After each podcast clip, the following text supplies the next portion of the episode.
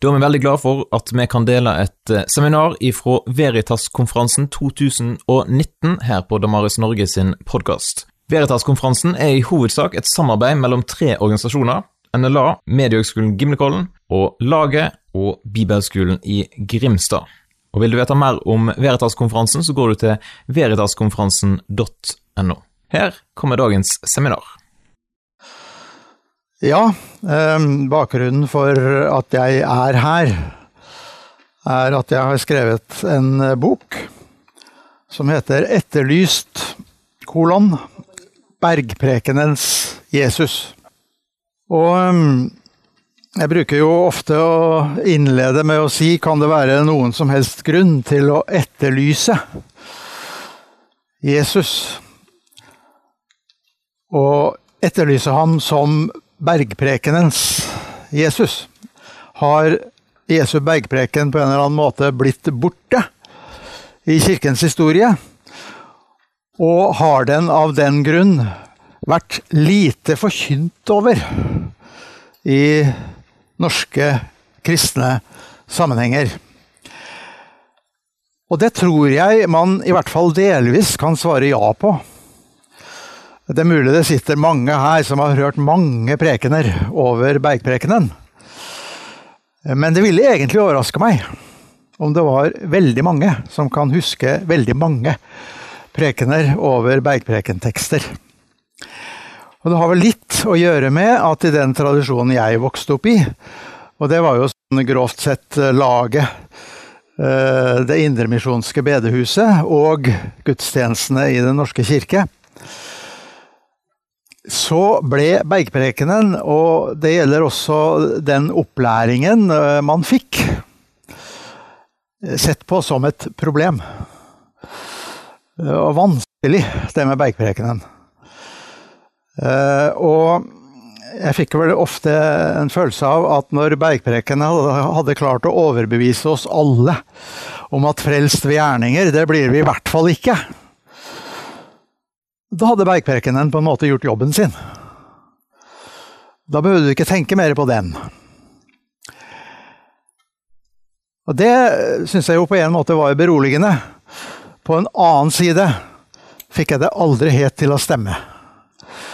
Jeg fikk det ikke til å stemme med Bergprekenen selv, at man kunne betrakte Bergprekenen på den måten at den, dens eneste funksjon var å overbevise oss om at vi var syndere. Og Det som bl.a. har gjort meg urolig hele tiden, det er uh, teksten i uh, punkt 1 her. Det er avslutningen på bergprekenen. Er denne lignelsen om huset bygd på sand og huset bygd på fjell. Og Der sier Jesus, Vær den som hører disse mine ord, altså det jeg nå har sagt, i kapittel 5-7 i Matteus og i kapittel 6 hos Lukas. Vær den som hører disse mine ord, og gjør det ordene sier. Ligner en klok mann som bygde huset sitt på fjell. Og vær den som hører disse mine ord, og ikke gjør det de sier. Ligner en uforstandig mann som bygde huset sitt på sand. Altså, det jeg nå har sagt, mener jeg alvorlig. Dere skal leve sånn som jeg har sagt i Matteus 5-7. Da bygger dere huset på fjell. Hvis ikke, hvis dere bare hører det, men ikke gjør etter det, bygger dere på sand. Da det sank inn, ble det ganske alvorlig og, og ga det bakgrunn for mye ettertanke. Det er ingen tvil om at de første kristne forsto det slik. Altså det skriftet jeg nå skal sitere fra, ble skrevet ca. 100 etter Kristus. Og den fulle tittel på det skriftet, nå er vi i punkt to, fulle tittel på dette skriftet er 'Herrens lære til folkeslagene ved de tolv apostlene'. Eh, hva minner det om? Det minner om misjonsbefalingen, ikke sant? Gå og døp dem og lær dem å holde. Hadde det enda bare vært 'lær dem'? Nei, lær dem å holde. å leve sånn. Alt det jeg har befalt dere. Alt det jeg har befalt dere, hvor finner vi det han befalte oss? Ja, f.eks. i Bergprekenen. I dette skriftet leser vi følgende, og jeg leser faktisk fra begynnelsen på skriftet. De tolv apostlers lære, eller kort Didache. 100 etter Kristus. Veldig tidlig, altså. Det finnes to veier. Den ene er livets vei, den andre dødens. Og det er stor forskjell mellom de to veiene. Livets vei er denne. For det første, du skal elske Gud som har skapt deg. Det første bud. Og det andre, du skal elske din neste som deg selv, og alt du ikke vil skal hende deg, skal heller ikke du gjøre mot din neste. Det siste der er på en måte nestekjærlighetsbudet i to varianter. Eh, du finner det i eh, Tredje Mosebok, 1918. Det er veldig lett å huske. Tredje Mosebok 1918. 1918 da sluttet første verdenskrig, ikke sant? Første, tredje Mosebok 1918. Du skal elske de neste som deg selv, står det der. Og så spurte de jødiske skriftlærde hva betyr 'som deg selv'? Og så sa de det som her står. Det betyr du ikke, det du ikke vil skal hende deg, skal heller ikke du gjøre mot din neste. Det er det 'som deg selv' betyr. Sånn at det vi kaller en gylne regel Du skal gjøre mot din neste det du vil at din neste skal gjøre mot deg. Ikke det han faktisk har gjort mot deg, men det du skulle ønske han gjorde mot deg. Det er kjærlighetsbudet. Det er det neste kjærlighetsbudet betyr. Gjøre mot din neste. Ikke som han gjør mot deg, men som du kunne ønske han gjorde mot deg. Og da har vi jo også budet om å elske fienden, ikke sant? Det ligger innebygget i den gylne regel. Du skal ikke behandle din fiende slik han behandler deg, du skal behandle ham slik du kunne ønske at han hadde behandlet deg. Og da har vi jo på en måte hele bergprekenen. Gjengjelde ondt, ikke med samme mynt, men med godt. Og det kommer her med en gang. Den lære som ligger i disse ord, er denne. Velsign dem som forbanner dere, og be for deres fiender. Hold fast på dem som forfølger dere. For hva er det å takke dere for om dere elsker dem som elsker dere? Gjør ikke også hedningene det samme? Så lenge du gjengjelder godt med godt, og ondt med ondt, da handler du som alle mennesker gjør, for det er den regelen som gjelder generelt, ikke sant? I boka har jeg kalt det gjensidighetens lov. Som du gjør mot meg, gjør jeg mot deg. Men her handler det om noe helt annet. Jeg gjør mot deg som jeg skulle ønske du gjorde mot meg. Språklig er det ikke så stor forskjell på det, men saklig er det en enorm forskjell på det. Men dere skal elske dem som hater dere, så får dere ikke noen fiende. Om noen gir deg et slag på høyre kinn, så vend også det andre til. Da vil du være helhjertet. Hvis noen tvinger deg til å følge med én mil, så gå to med ham. Hvis noen tar kappen din, så gi ham skjorten også. Hvis noen tar fra deg det som er ditt, så krev det ikke tilbake. Gi hver den som ber deg, og krev det ikke tilbake, for Faderen vil at den skal gi til alle av de gaver en selv har fått. Og Så fortsetter det en tre-fire kapitler med bud av samme type, der alt står på en måte under den overskriften som nå er satt. Og så kommer det i kapittel sju. Når det gjelder dåpen, skal dere utfølge den på følgende måte.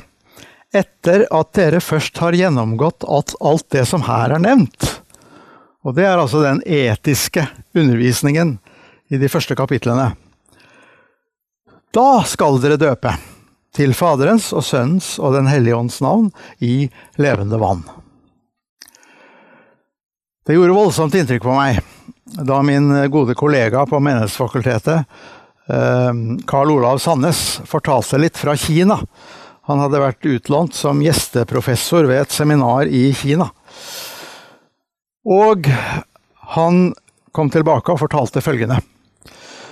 Når de hadde trosopplæring og dåp i disse kinesiske menighetene, midt inne i eh, det sentrale av Kina, så var det fast skikk at når en voksen person hadde vært til eh, deltatt i katekumenatet, den foreskrevne tid, så gikk det hjem til naboene til vedkommende og spurte har dere merket noen endring i livsførselen. Og hvis svaret på det fra naboene var nei, da ble katekumenatet forlenget. Da anså man ikke at det var grunnlag for dåp.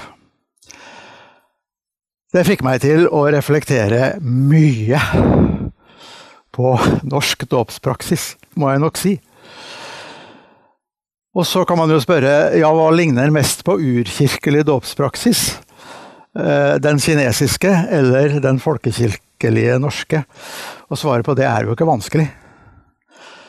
I Ålkirken var det nemlig også sånn at man kunne måtte stille med dåpsvitner som bevitnet at vedkommende hadde begynt å ta seg av enkene og de farløse, og gjort alle gode gjerninger av samme type. Da kunne man døpe. For dåpen er og har alltid vært en omvendelsesdåp. En dåp til omvendelse, og det betyr dåp til ny livsførsel. Ny og annerledes livsførsel. De første kristne levde etter det de hadde lært. Alle troende holdt sammen og hadde alt felles. De solgte eiendommene sine og det de ellers eide, og delte ut til alle, ettersom hver enkelt trengte det. Og i kapittel fire i Apostlenes gjerninger så sies det da det førte til ingen av dem led nød. Eh, når jeg leser en moderne amerikansk forfatter som eh, har gått veldig langt i å praktisere akkurat dette, så sier han at vi snakker ikke om eh, fattigdomsøkonomi når vi praktiserer dette. Han kaller det 'economy of bounty'. Overflodsøkonomi. Vi har overflødsøkonomi alle sammen. Når det skjer en sånn utjevning mellom de som har, og de som ikke har, eller som har mindre. Vi har mer enn nok, alle sammen. Og så er det også det, da, at er det et ord vi har glemt i Norge i dag, så er det ordet nok. Vi får jo aldri nok. De fleste av oss har for lengst passert det nivået hvor vi har nok. For lengst. Da bør vi i det minste tenke veldig nøye gjennom hva vi gjør med overskuddet vårt. Så jeg får inn 30 000 på konto fra Nav hver måned. 30 000 kroner. Jeg behøver alle, ikke alle de pengene. Jeg kan klare meg fint med fire femdeler av dem. Og fortsatt har jeg det ganske romslig. Hva gjør jeg med den der femdelen som jeg ikke behøver? Ikke behøver i det hele tatt. Det har blitt veldig tankevekkende. Så foreløpig har ikke jeg kommet lenger enn at jeg bruker den femdelen til noe som jeg tror kan gjøre en forskjell i livene til mennesker. Som kan gi en eh, kvinne i Afrika en brønn ved huset, så hun slipper å gå fire timer hver dag for å hente vann. Sånne ting har det blitt utrolig mye mer meningsfullt for meg å bruke penger på enn en luksusferie hvor det nå skulle være. Ehm, la meg ta med den siste her, keiser Julian den frafalne. Han var keiser i, eh, på 360-tallet, en kort periode. Nå er vi i det kristne keiserdømmets tid, men denne Julian ble så forarget over det han så ved det kristne keiserhoffet i Konstantinopel, at han fikk det helt oppi her og ville ikke være kristen lenger. Og da han ble keiser, så gikk han inn for å fornye den gamle romerske statsreligionen. Han hadde da sprita den opp med litt sånn gresk filosofi, så det skulle ta seg litt bedre ut. Eh, og så hadde han innsatt eh, presteskap og greier for å få liksom, den gamle romerske altså tilbedelsen av Jupiter litt opp og gå igjen. Det var ingen suksess. Og så skriver han et brev og gir uttrykk for sin frustrasjon til en av de prestene han hadde ansatt. Det er den nederste teksten i punkt tre. Det er skammelig for oss, sier keiseren, at vi med misunnelse må se på hvordan det er blant jøder og galileere, og det var hans betegnelse på de kristne. Og så ordrett sitat fra keiseren. Når ingen jøde må tigge, og når de ugudelige galileerne ikke bare sørger for sine egne fattige, men også for våre. Da er det skammelig at alle mennesker kan se at våre fattige mangler støtte fra oss. Hedenske fattige hjalp de, disse galileerne. Hemmeligheten bak galileernes fremgang er deres godvilje for fremmede, deres omsorg for de dødes graver og deres tilsynelatende fromme liv. Og dette møter vi hele veien gjennom Oldkirkens historie. Det som gjør folk kristne, sier en god bekjent av meg, Justin Martyr. Det var han jeg skrev doktoravhandling om. Ehm, det som bruker å gjøre folk til kristne, sier han, det er når du ser hvordan kristne på reiser tar det med stor sinnsro at de blir frarøvet all bagasjen sin. Det, det, gjør inntrykk på folk. Dette her er folk som eh, ikke er så lette å vippe av pinnen. Og de er ikke så knytta til sånne ting som de fleste av oss andre er. Jeg må jo si at det har aldri falt meg inn at skulle, noen skulle bli, bli, kristne på den uh, måten jeg tar det på, når, når kofferten ikke kommer. Men, men, det sier faktisk Justin, at sånn var det altså. Disse vertshusene var jo beryktet, de man overnattet på. Eh, det skulle godt gjøres at du våkna med fulltallig bagasje. Eh, så dette var jo dagens orden. Men de kristne gjorde seg bemerket med at de tok det der med ganske godt humør. Det var ikke helt vanlig. Og, eller når du gjør forretninger med dem, sier han.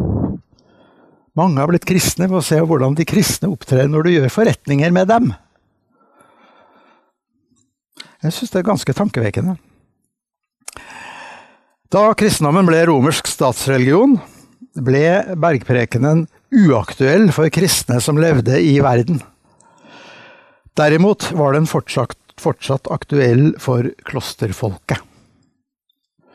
Det som skjedde ved begynnelsen av 300-tallet, det var at de kristne hadde begynt å bli eh, godt integrert i verden, de fleste av dem. Og etter hvert så ble da dette med yrker som medfører at du f.eks.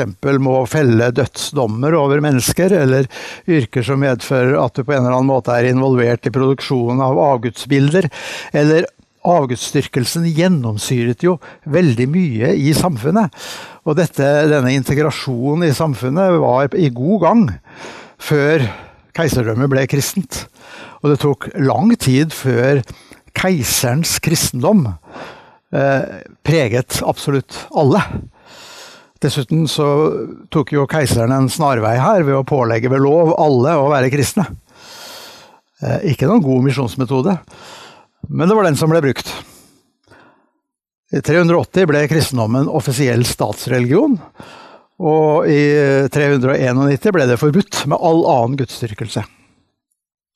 Og Du skulle ikke bare være kristen, du skulle være en kristen som bekjente den nikenske trosbekjennelse. Hvis ikke så satte keiseren inn hærstyrker og, og, og forfulgte deg ganske voldsomt. Altså det var noen som reagerte på dette, at uh, vi er blitt så godt integrerte i verden nå at uh, bergprekenen har i, i, virkeligheten blitt praktisk umulig å leve etter for de fleste kristne. Da finner vi tekst nummer fire, som jeg ikke tar tid til å lese. Dere kan lese den selv. Den sier at de kristne fins i to sorter. Det er de som lever godt integrert i verden. De som lever i ekteskap, de som har eiendom. Eh, de som eh, er i hæren, den romerske hæren. Eh, og som da må gjøre politioppgaver som kan innebære f.eks. å henrette folk. Og Kirken, eller han gir jo Jesus skylda her, på en måte, i teksten. Uh, vår Herre uh, forordnet på en måte to slags livsmønstre for de kristne. Og for de kristne i verden så er alt dette her tillatt. Du kan ikke leve i verden uten å ta del i dette her. Men noen, de lever over naturen, sier han. Og de lager sine egne parallelle samfunn i, ute i ørkenen. Og der, i disse klostersamfunnene, der det bare er munker og nonner som lever i sølibat. Der kan du ta bergprekenbudene mye mer bokstavelig enn du kan når du lever godt integrert i samfunnet og må ta del i litt av hvert. Dette var offisiell kirkelære, og er det fortsatt, i den katolske kirke. Dette med eh, den dobbelte, de, de to typene kristne. Og Bergprekenen forstås, og den tekniske termen er, forstås som evangeliske råd. Evangeliske råd. Fine å leve etter, og det er på en måte den høyeste klasse av det kristne liv, der man lever etter bergprekenen bokstavelig. Men det er altså for klosterfolket. For dem er det mulig.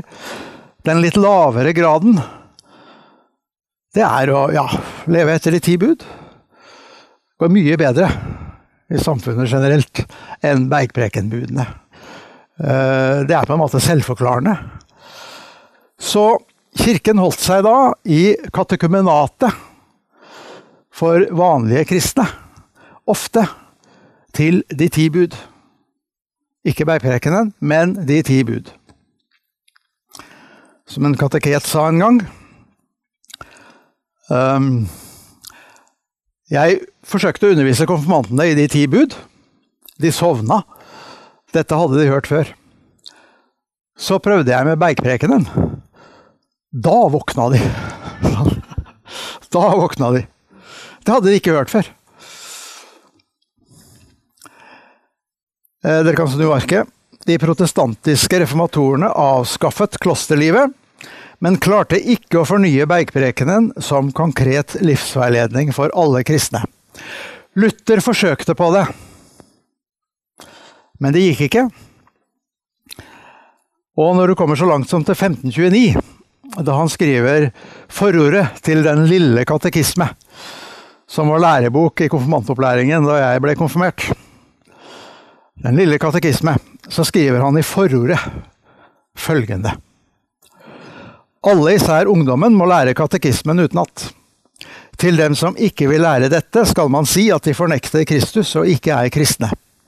De må heller ikke få adgang til eh, nattverdssakramentet og ikke være faddere. Dessuten skal foreldre og husbondsfolk nekte dem mat og drikke. Og gjøre det klart for dem at slike rå mennesker vil fyrsten jage ut av landet. Og videre. Det er Luther som skriver 'og videre', ikke jeg. For selv om man verken kan eller skal tvinge noen til å tro, skal man likevel styre og lede mengden slik at den vet hva som er rett og hva som er urett, hos dem de vil bygge og bo og ha sitt levebrød sammen med. For den som vil bo i en by, han skal kjenne og holde eh, byens lover som han har gangen av, likegyldig om han nå tror, eller om han i sitt hjerte er en slyngel og en kjeltring. Teologenes navn på denne bruk av loven er første bruk. Lovens første bruk, og det betyr loven brukt som samfunnslov for alle i et samfunn. Og derfor var det jo heller ikke for Luther aktuelt å ta inn bergprekenen i katekismen, for katekismen skulle gjelde som borgerlig lov for alle. Og fortelle dem hva de skulle gjøre, og hva de skulle tro. Og sånn ble det i den lutherske kirken. Helt opp til vår tid, egentlig. Eh, det var kongen som bestemte hva vi skulle tro her i landet. Og du kunne ikke være annet enn evangelisk-luthersk kristen for å oppholde deg i Norge. Fram til 1851 kunne ikke en jøde sette sin fot i Norge. Fram til 1845 kunne ingen metodist, baptist, sette sin fot i Norge. Du måtte være lutheraner. Og fra 1700-tallet av måtte du ved konfirmasjon bekjenne troen som din. Hvis ikke var du hjelpeløs i det sivile samfunn. Så konfirmasjon var obligatorisk for alle, og ved, ved konfirmasjonen bekjente du din tro. Forsakelsen og de tre troens artikler. Er dette her bra? Det var ingen som fant på å forandre teologien. Eh, du fikk en kjempesvær bot hvis du ikke hadde døpt barnet ditt innen åtte dager. Men fortsatt full dåpsteologi. Alt skjer i dåpen. Spiller ingen rolle at det er tvangsdåp. Eh, det samme skjer i dåpen som skildres i Det nye testamentet. Da forutsetningene for dåp var helt andre, og der dåpspraksis ikke ligna i det hele tatt, som når den er pålagt ved lov. La oss gjenoppdage bergprekenen som den frigjørende nådens evangelium. Jeg har ikke kunnet kalle bergprekenen den frigjørende nådens evangelium så forferdelig lenge. For jeg har jo vært opplært i at bergprekenen er jo vesentlig lov. Den er, ikke, den er ikke primært evangelium, den er primært lov. Og Det er ingen tvil om at den avleverer mange sønderknuste syndere ved korsets fot. Men det er ikke alt som er å si om bergprekenen. Det er lovens andre bruk, hvor den overbeviser om synd. Men det fins noe i lutherdommen som heter lovens tredje bruk. Men karakteristisk nok har det vært omstridt om det er genuint luthersk å snakke om lovens tredje bruk. Og det er lovens bruk for de kristne. For de gjenfødte kristne. Har de noe bruk for formaninger og bud, de? Og noen har ment at eh, nei, i hvert fall ikke hos Luther. For han sier at uh, de gode gjerningene kommer da så automatisk av troen at uh, det er ikke nødvendig å formane dem frem. De kommer, de. Du befaler ikke et godt epletre å bære god frukt, sier Luther et sted. Luther var retoriker og satte veldig ofte ting på spissen. Men senere lutherske teologer har klart å lage lære av det av et sånt utsagn. Det som på mange måter har blitt en veldig nøkkel for meg til å forstå Eikprekenbudene som frigjørende nåde, er fortellingen om Sakkeus. Eh, dere kjenner jo den, men la meg allikevel dra fortellingen en gang til. Her har du denne lille Eh, jeg forestiller meg ganske velfødde. Eh, overtolleren Eriko. Kanskje byens mest upopulære mann, men antagelig også dens rikeste. Og så har han hørt rykter om denne profeten fra Nasaret. Og jeg er veldig nysgjerrig på hva var det som fikk Sakkeus, ga Sakkeus sånn lyst til å se han? Han er jo tydelig nysgjerrig på Jesus. Eh, det er det første som gjør meg veldig nysgjerrig i den fortellingen. Og så denne morsomme scenen, da. Her står jo folk lina opp, naturligvis, på begge sider av hovedgata i Jeriko. Omtrent som på 17. mai. Sakkeus skjønner at han slipper ikke til på barnekvoten for å få stå helt foran. Så for å få god utsikt, og samtidig unngå å bli sett, så krabber han opp i det treslaget som har det mest tette bladverket, så han eh, kan være nokså sikker på at ingen ser det pinlige at han eh, klatrer opp i det treet. Han ville ikke bli sett. Han ville se. Så ble han sett av Jesus. Og så hører han til sin komplette overraskelse Sakkeus. I dag er det du som skal være verten min her i Jeriko. Jeg vil gjerne komme hjem til deg. Folk hører dette og tenker oi, hvor stor profet er han egentlig, når han ikke gjennomskuer han fyren? Og de tisker og hvisker seg imellom at dette her blir jo helt feil. Han av alle tar profeten inn hos. Og så kommer det som jeg gjerne skulle ha vært flue på veggen til. Samtalen mellom Sakkeus og Jesus. Den får vi da ikke vite noe om, men vi får vite noe om resultatet av den samtalen. Da tar Sakkeus til orde, og så sier han halvparten av det jeg eier, gir jeg til de fattige. Og jeg skal gi firedobbelt igjen til de jeg har tatt penger fra urettmessig. Det er ikke sikkert han da hadde så mye igjen. Men, spør du meg, er det en knuget mann som sier dette? Eller er det en lykkelig og frigjort mann som sier dette? Jeg går for det siste. Jeg går for at det Jesus snakker om i bergprekenen, og som Sakkeus nå praktiserer hva gjelder forhold til eiendom og det du har, det skildrer Jesus selv som en enorm befrielse i bergprekenen. For han sier Tar dere dette til dere og begynner å leve sånn, da ligner dere fuglene under himmelen og blomstene på marken, og kan le leve like bekymringsløst som dem.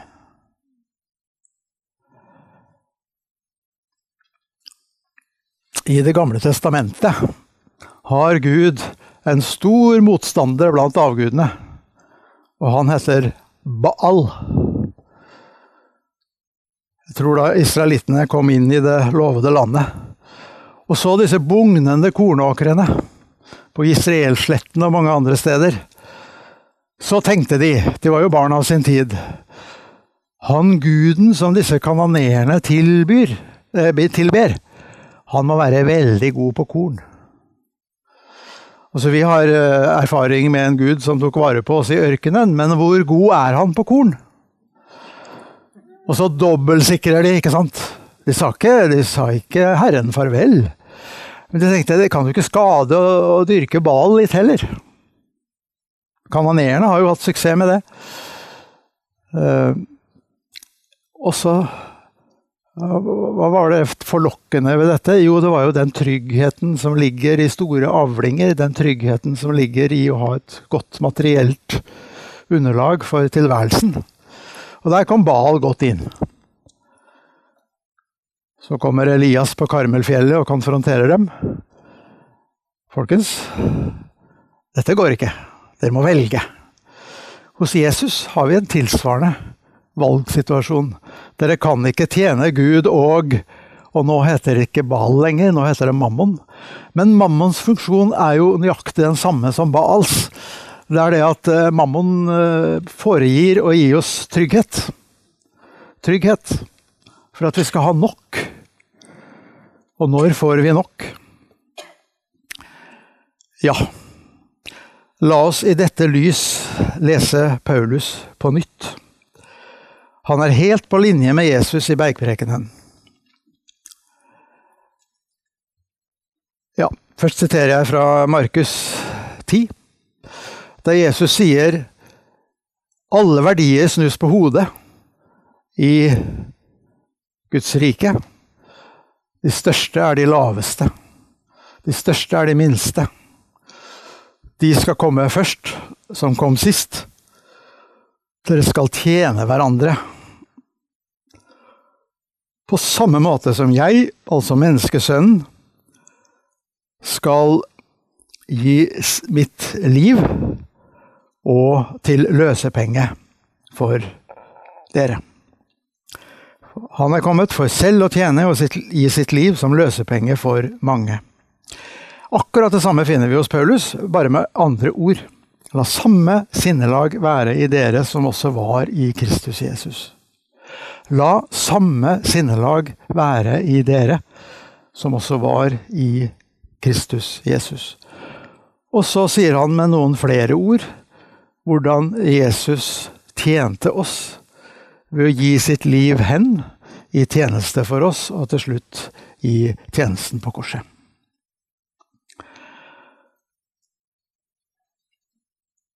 I rombrevet innrett dere ikke etter den nåværende verden, men la dere forvandle ved at sinnet fornyes, så dere kan dømme om hva som er Guds vilje, det gode, og det som er til glede for Gud, det fullkomne.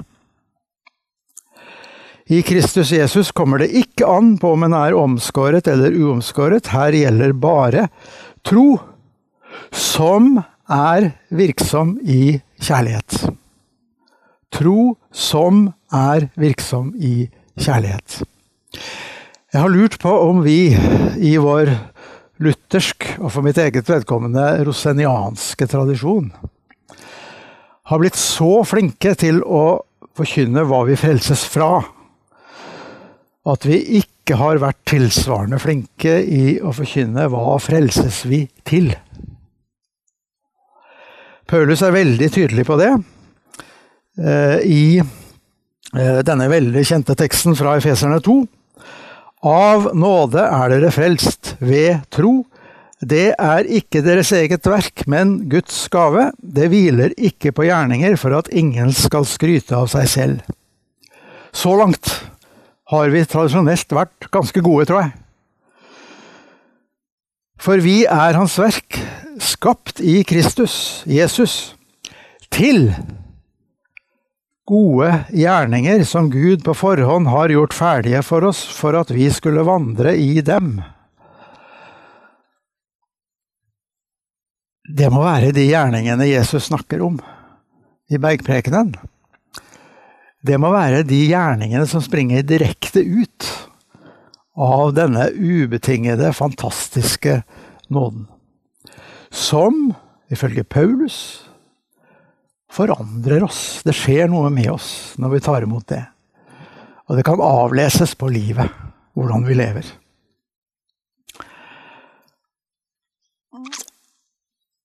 Og til slutt Vi har helt og fullt den unge Luther med oss i alt jeg nå har sagt. I forordet til romerbrevet, som han skrev i 1522, jeg liker fryktelig godt det Luther skriver i 1522-1523. Ehm, det er en fryd å lese det. Etter bondekrigen i 1524-1525 fikk Luther tydeligvis en voldsomt angst i seg for hva det han hadde sagt frem til da, kunne føre til hvis folk misforsto det og betrakta det som et sånt fritt fram for lev som du vil. Så da strammer han voldsomt inn, eh, og blir til dels ganske reaksjonær. Og han kjører inn kongens, eller fyrstens, autoritet og midler, eh, tilsynelatende uten den minste dårlige samvittighet. Eh, og vi vet hvordan det gikk. Men nå skal dere høre Luther i 1522. Tro er en guddommelig gjerning i oss, som forvandler oss og føder oss på ny som Guds barn. Den forvandler oss, sier Luther. Det skjer noe med oss. Føder oss på ny som Guds barn. Den slår i hjel den gamle Adam og gjør oss til helt andre mennesker av hjerte, mot, sinn og alle krefter. Den bringer Den hellige ånd med seg, og troen er en levende, skapende, virksom, mektig ting. Den kan ikke annet enn uavlatelig å gjøre godt. Den spør heller ikke om der finnes gode gjerninger å gjøre, nei, før man får spurt har den allerede gjort dem, og er i stadig virksomhet. Og så kommer det, men den som ikke gjør slike gjerninger, han er et menneske uten tro. Han famler omkring og ser seg om etter troen og gode gjerninger, og vet verken hva tro eller gode gjerninger er. Tro er en levende, urokkelig tillit til Guds nåde, så sikker at en tusen ganger kunne dø for den. En slik tillit til og erkjennelse av Guds nåde gjør en glad, frimodig og freidig mot Gud og alle skapninger. Det er det Den hellige ånd som gjør i troen.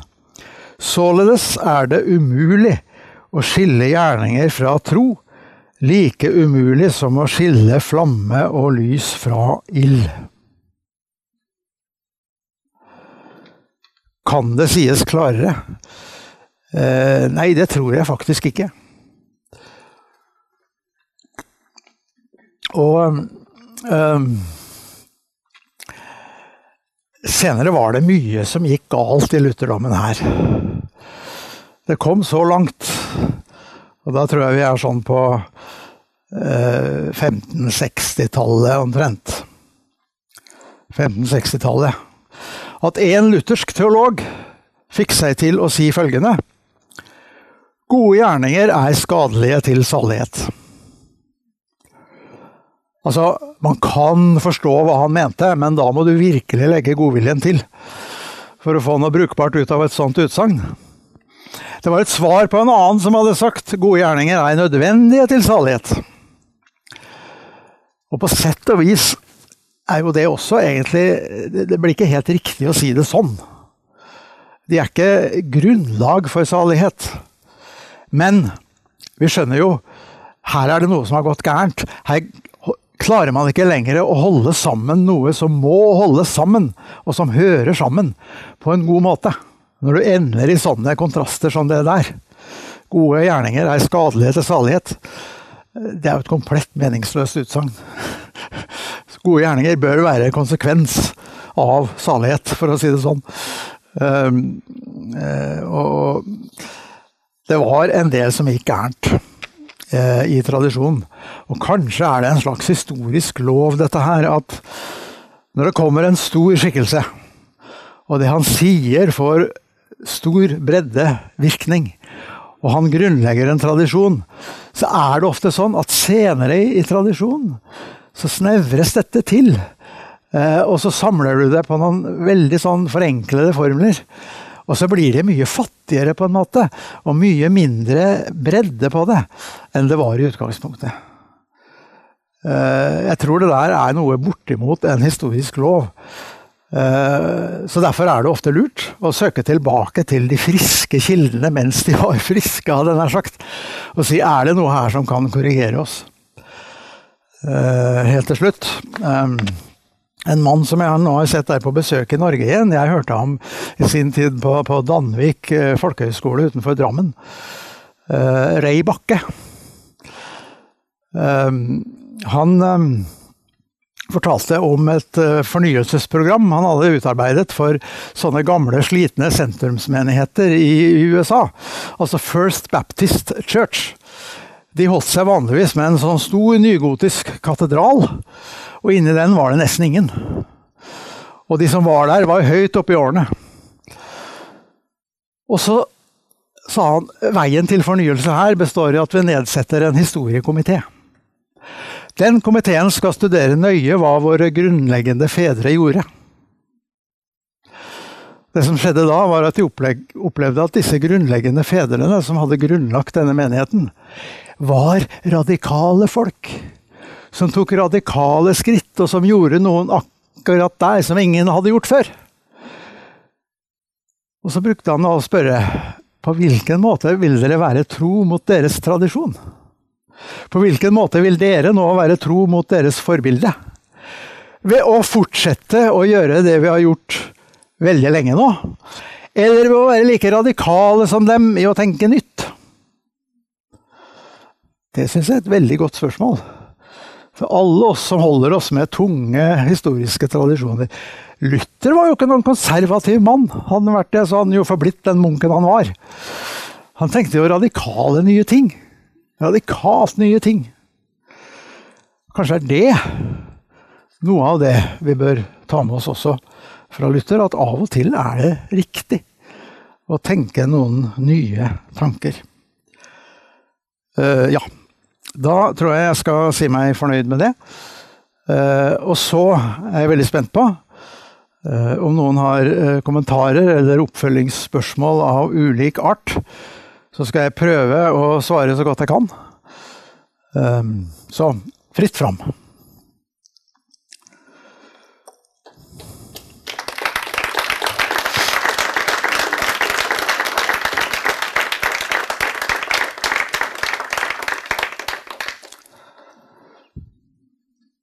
Hva var det som fikk deg til å skrive boka?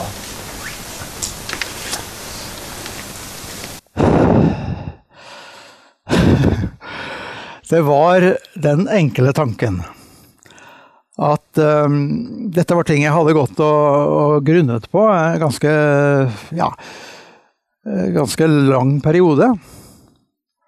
Det hadde liksom modnet seg fram, på sett og vis. Og så det, hadde jeg i en tiårs tid vært veldig opptatt med et svært uh, amerikansk bokprosjekt som handla om noe helt annet. Og så gikk det opp for meg at uh, du har ingen sikkerhet for at du kommer til å være oppegående når du en gang måtte være ferdig med det bokprosjektet. Så jeg la det i skuffen og bestemte meg for at nå skriver jeg den boka mens jeg er i stand til det. Uh, mens jeg har såpass vett i behold enda at, uh, at jeg kan skrive den. For jeg følte noe bortimot et kall til å skrive noe om dette. Så eh, ja, det tok et års tid. Uh, andre bøker har jeg skrevet mye fortere, men uh, denne her måtte jeg slåss med. Men det ble en bok av det. Så det er, det er korte historien bak det. Jeg var blitt pensjonist, så, så, jeg hadde herredømme over egen tid litt mer enn jeg hadde den gangen skulle undervise og rette eksamensoppgaver. Det var det godt å bli kvitt.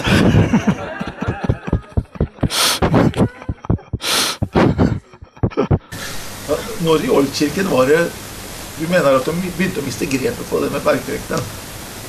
Du nevnte Eusebius. Jeg tror eh, altså Du ser det liksom mot slutten av 200-tallet eh, og overgangen til 300-tallet.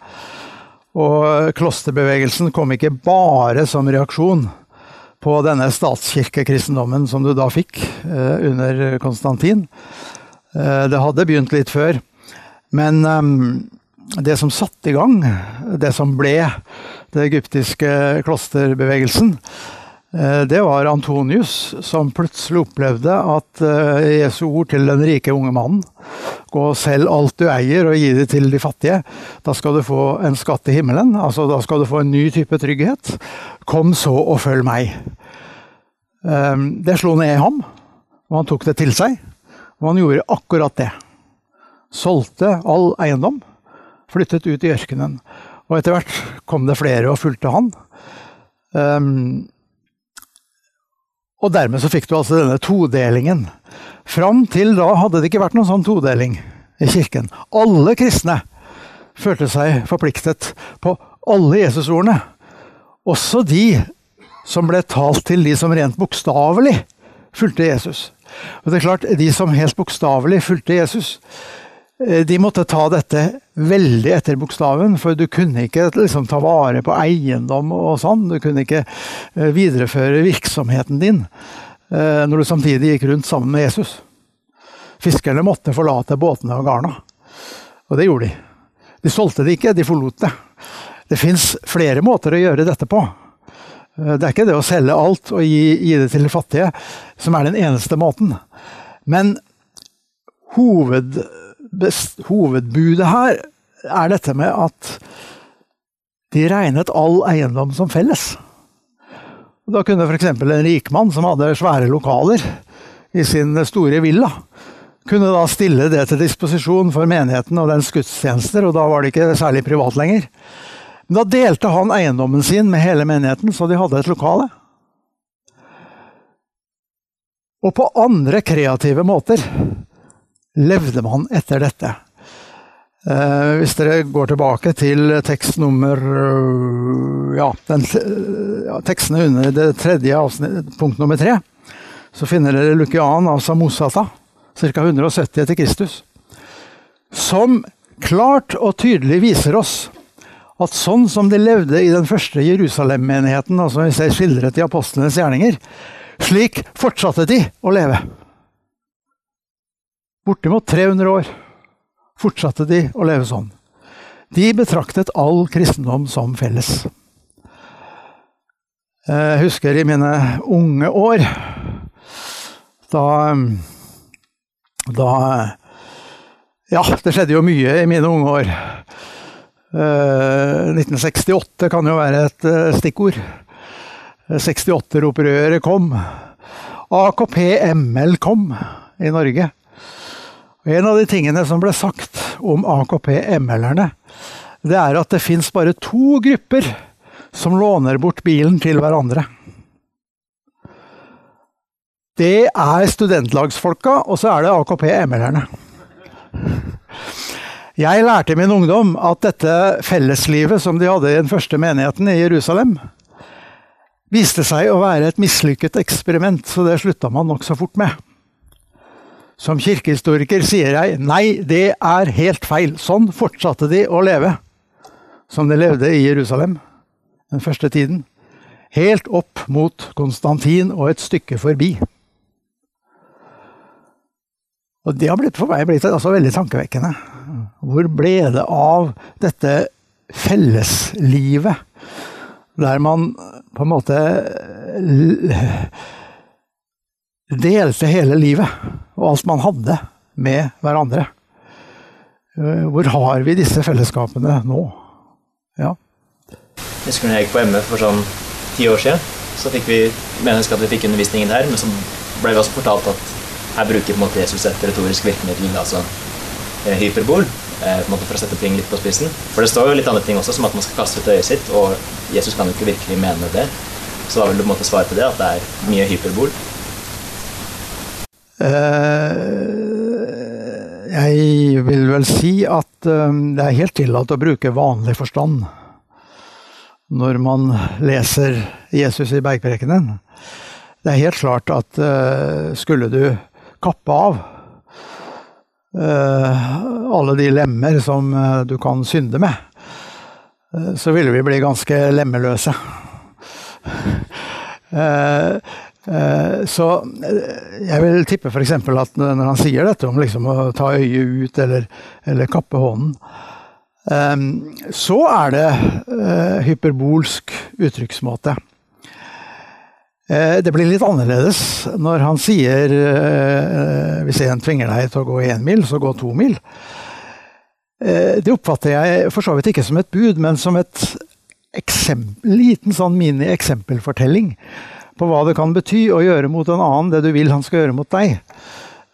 I boka så har jeg laget en liten sånn mininovelle på akkurat den der, f.eks.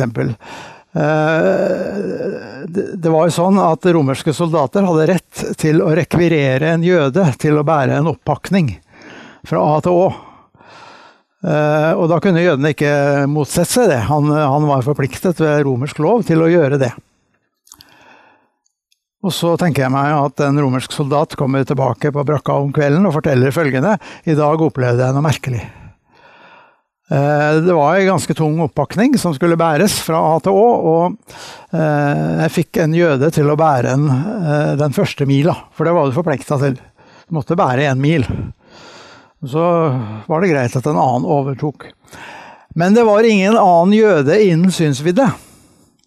Og da sier han her fyren jeg skal bære en ei mil til. Har aldri opplevd noe sånt før. På den andre mila fikk jeg en slags følelse av at det var han som var sjefen.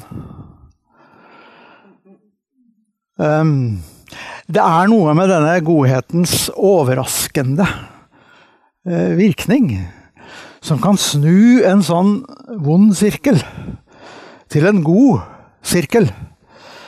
Og da tenker jeg også på en historie som en gang sto i Stefanusalliansens Alliansens blad. Det var to landsbyer borte langt vekk i stand. Jeg husker ikke hvilke av dem. Men det var der inne i Sentral-Asia. Tidligere Sovjet.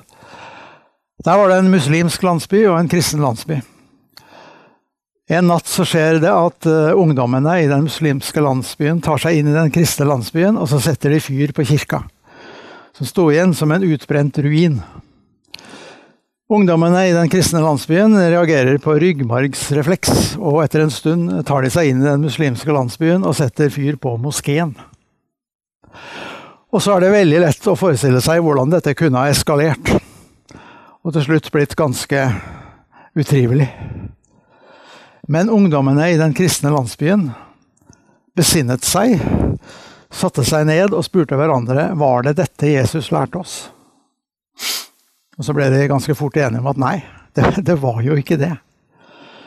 Så tar de mot til seg, og så går de inn i den muslimske landsbyen, og så sier de Vi har funnet ut at det ikke var dette vår profet lærte oss.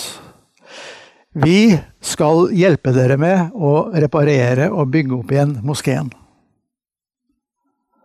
Og Da er det veldig lett å forestille seg at dynamikken ble en helt annen. Denne godhetens kreativitet som snur de vonde sirklene og kan vende dem til noe godt. Og jeg tror alle disse tre fortellingene som Jesus har her, er sånne små eksempler på det jeg har begynt å kalle godhetens overraskende kreativitet. Som du på forskjellige måter, og med nettopp utøvelse av kreativitet, kan møte negative sånne spiraler. Og få stoppet dem og vendt dem til noe godt. Her tror jeg vi alle sammen har mye uutnyttet kreativitetspotensial som vi kan begynne å trene oss på. At vi liksom ikke automatisk eh, betaler tilbake med samme mynt som andre bruker mot oss. Og jeg kan, er veldig sikker på at sånne Små hverdagsting. Det med landsbyen var jo litt større ting, da. Men sånne små hverdagsting, der denne godhetens kreativitet brukes, det vil føre til mye godt og til mye overraskende. Og det vil føre til at noen begynner å spørre seg hva er det disse kristne har som setter dem i stand til å gjøre sånne ting? For dette vekker en slags form for undring. Ingen tvil om det. Og rett som det er, gis det oss anledninger i hendene til å reagere akkurat sånn. Men som min gode venn Stian Kilde Aarebrot sier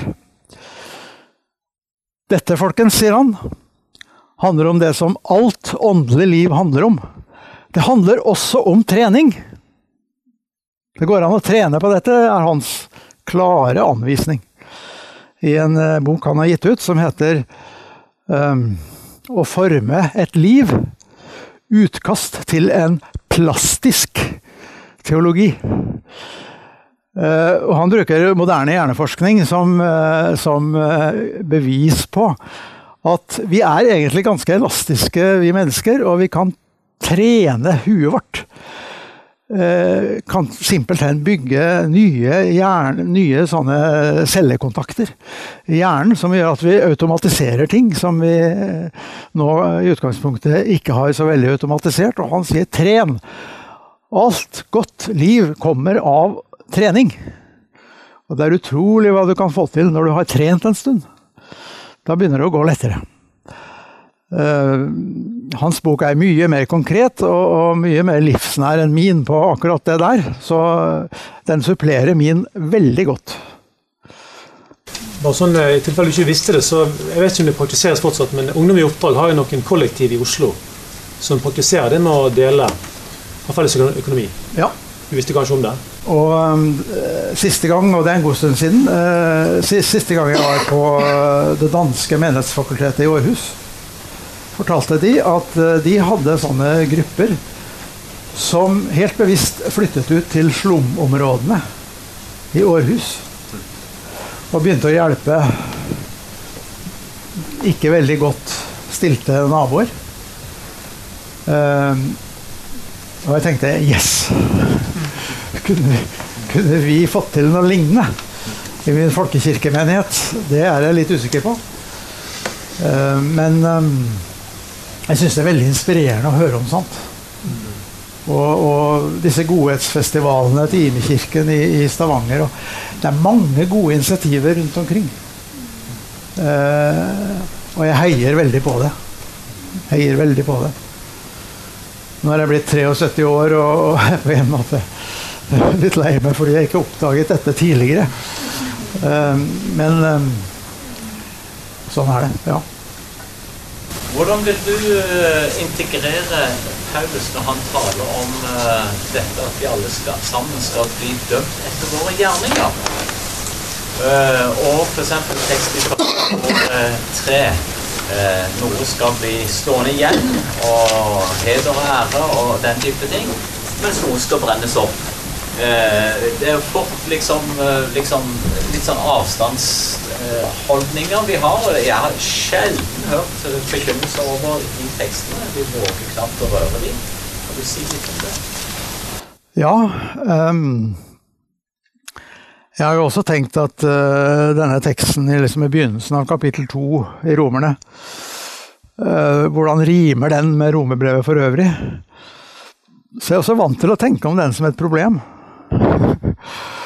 Og, og, den og Jeg ser jo det når jeg leser de lutherske kommentarene, at uh, kommentatoren har også litt problemer her med å integrere det på en god måte. Men mitt uh, mantra i det siste har nok vært la oss lese Det nye testamentet forlengs. La oss begynne med Jesus. Og så lese Paulus i lys av Jesus. Og min erfaring er at da går det mye lettere. For da ser jeg plutselig det hos Paulus, som fanger opp Jesus. Og da har jeg ikke lenger så stor problem med de første versene i Romerne 2. Og han sier jo at dette, dette er det jeg forkynner i mitt evangelium. Han presenterer det som en del av sitt evangelium, det der. Eh, så jeg tror også Paulus var mye flinkere til å snakke om hva vi skal frelses til enn vi tradisjonelt har vært. Ehm, for å ta et annet eksempel. Det er ikke Paulus, men eh, jeg leste en gang eh, Vi bør antagelig stoppe. Ja, bare helt til slutt. Jeg leste en norsk roman av, skrevet av en teolog, der en ung dame sier at den er så fin, den fortellingen om kvinnen som ble grepet i hor. Og Jesus sier heller ikke 'jeg fordømmer deg'. Hadde han bare stoppa der, men han sier 'gå bort og synd ikke mer'. Og det syns han er et kjempemageplask. Altså, det ødelegger jo hele fortellingen. Så var det synd allikevel. Um, nå ser jeg sånn på det at hva er det Jesus sier i den setningen? Gå bort og lev det livet du nå har blitt frigjort til. Du begynner med blanke ark og fargestifter. Du må ikke straks begynne å krote det til igjen. Bakgrunnen for Jesu ord er jo at hun levde ikke noe godt liv. Hadde ikke noe godt. Nå er hun satt helt fri fra alt dette.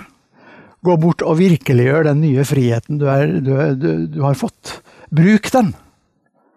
Gå bort og synd ikke mer. Vær ikke lenger syndstrell. Um, og der tenker jeg vi har et veldig stort potensial å på en måte ta igjen, altså, i, i, i våre sammenhenger.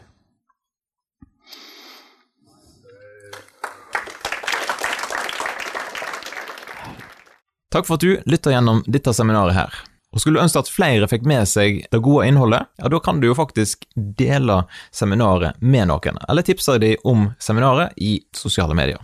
Vi setter jo veldig stor pris på om du har lyst til å skrive en anmeldelse av Damaris Norge sin podkast på de ulike podkastplattformene. Da hjelper det oss å løfte podkasten opp, sånn at flere får nytte av den. Jeg vil også nevne at eh, du kan ha mulighet for å kjøpe diverse bøker via nettsida snakkomtro.no, der flere av de som eh, var med på Veritas-konferansen, har sine bøker tilgjengelig der. Så sjekk ut Snakk om tro, og kjøp gjerne ei bok eller to.